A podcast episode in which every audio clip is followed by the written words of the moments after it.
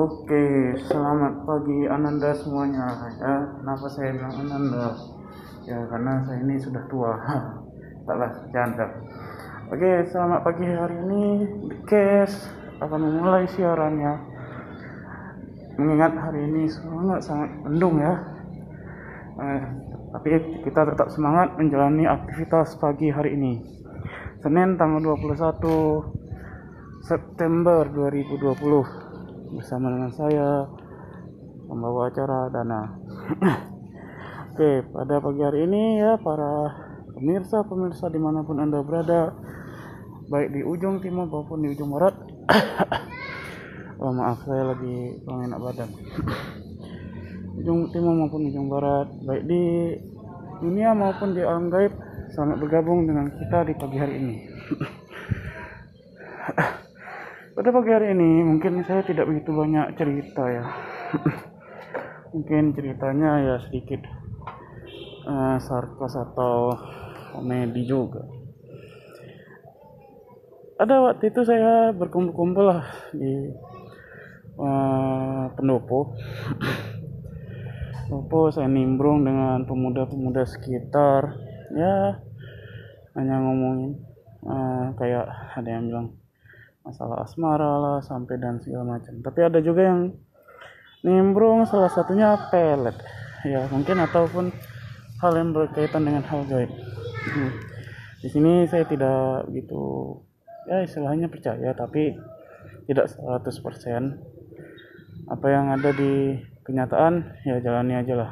Nah, yang tas singkat cerita ya tentu dia pergi ke orang pintar atau ya kita yang paranormal lah sekarang ya.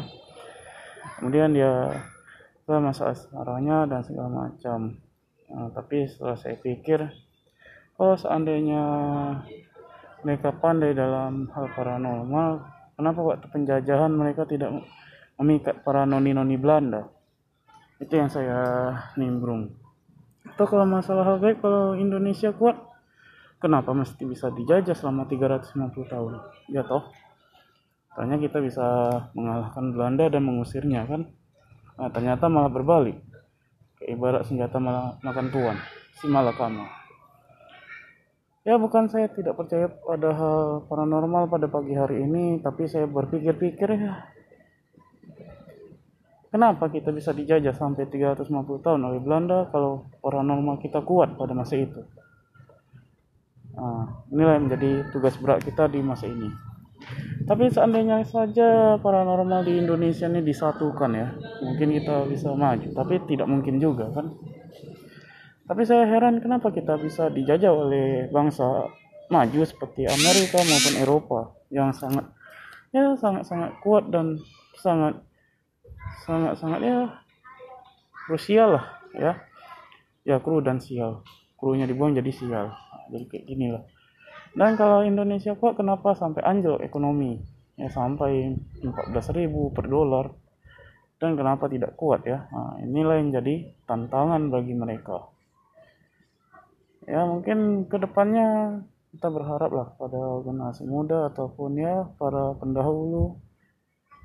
Ya ya para generasi pendahulu yang masih ada lah yang ada pensiun setidaknya bisa memimpin generasi muda ke depan ya itu saja yang mungkin saya bisa sampaikan. Ya ini bukan suatu PR ya tapi saya berharap pada semuanya pada pemirsa di pagi hari ini tetap menjalani hidup dengan semangat dan optimis. Walaupun di tengah-tengah pandemi covid yang merajalela yang makin menaik sampai ke zona hitam. Zona hitam ya. Zona pun ada hitam juga ya. Kenapa tak zona abu-abu atau zona-zona putih? Nah, ya tapi kita berharap pada yang maha kuasa sang halik Semoga pandemi ini, penyakit ini diangkat dan kita bisa beraktivitas secara sehat lagi. See you next week. Kita akan bertemu pada season berikutnya. Assalamualaikum warahmatullahi wabarakatuh. Selamat menjalani aktivitas dengan semangat dan optimis yang baru.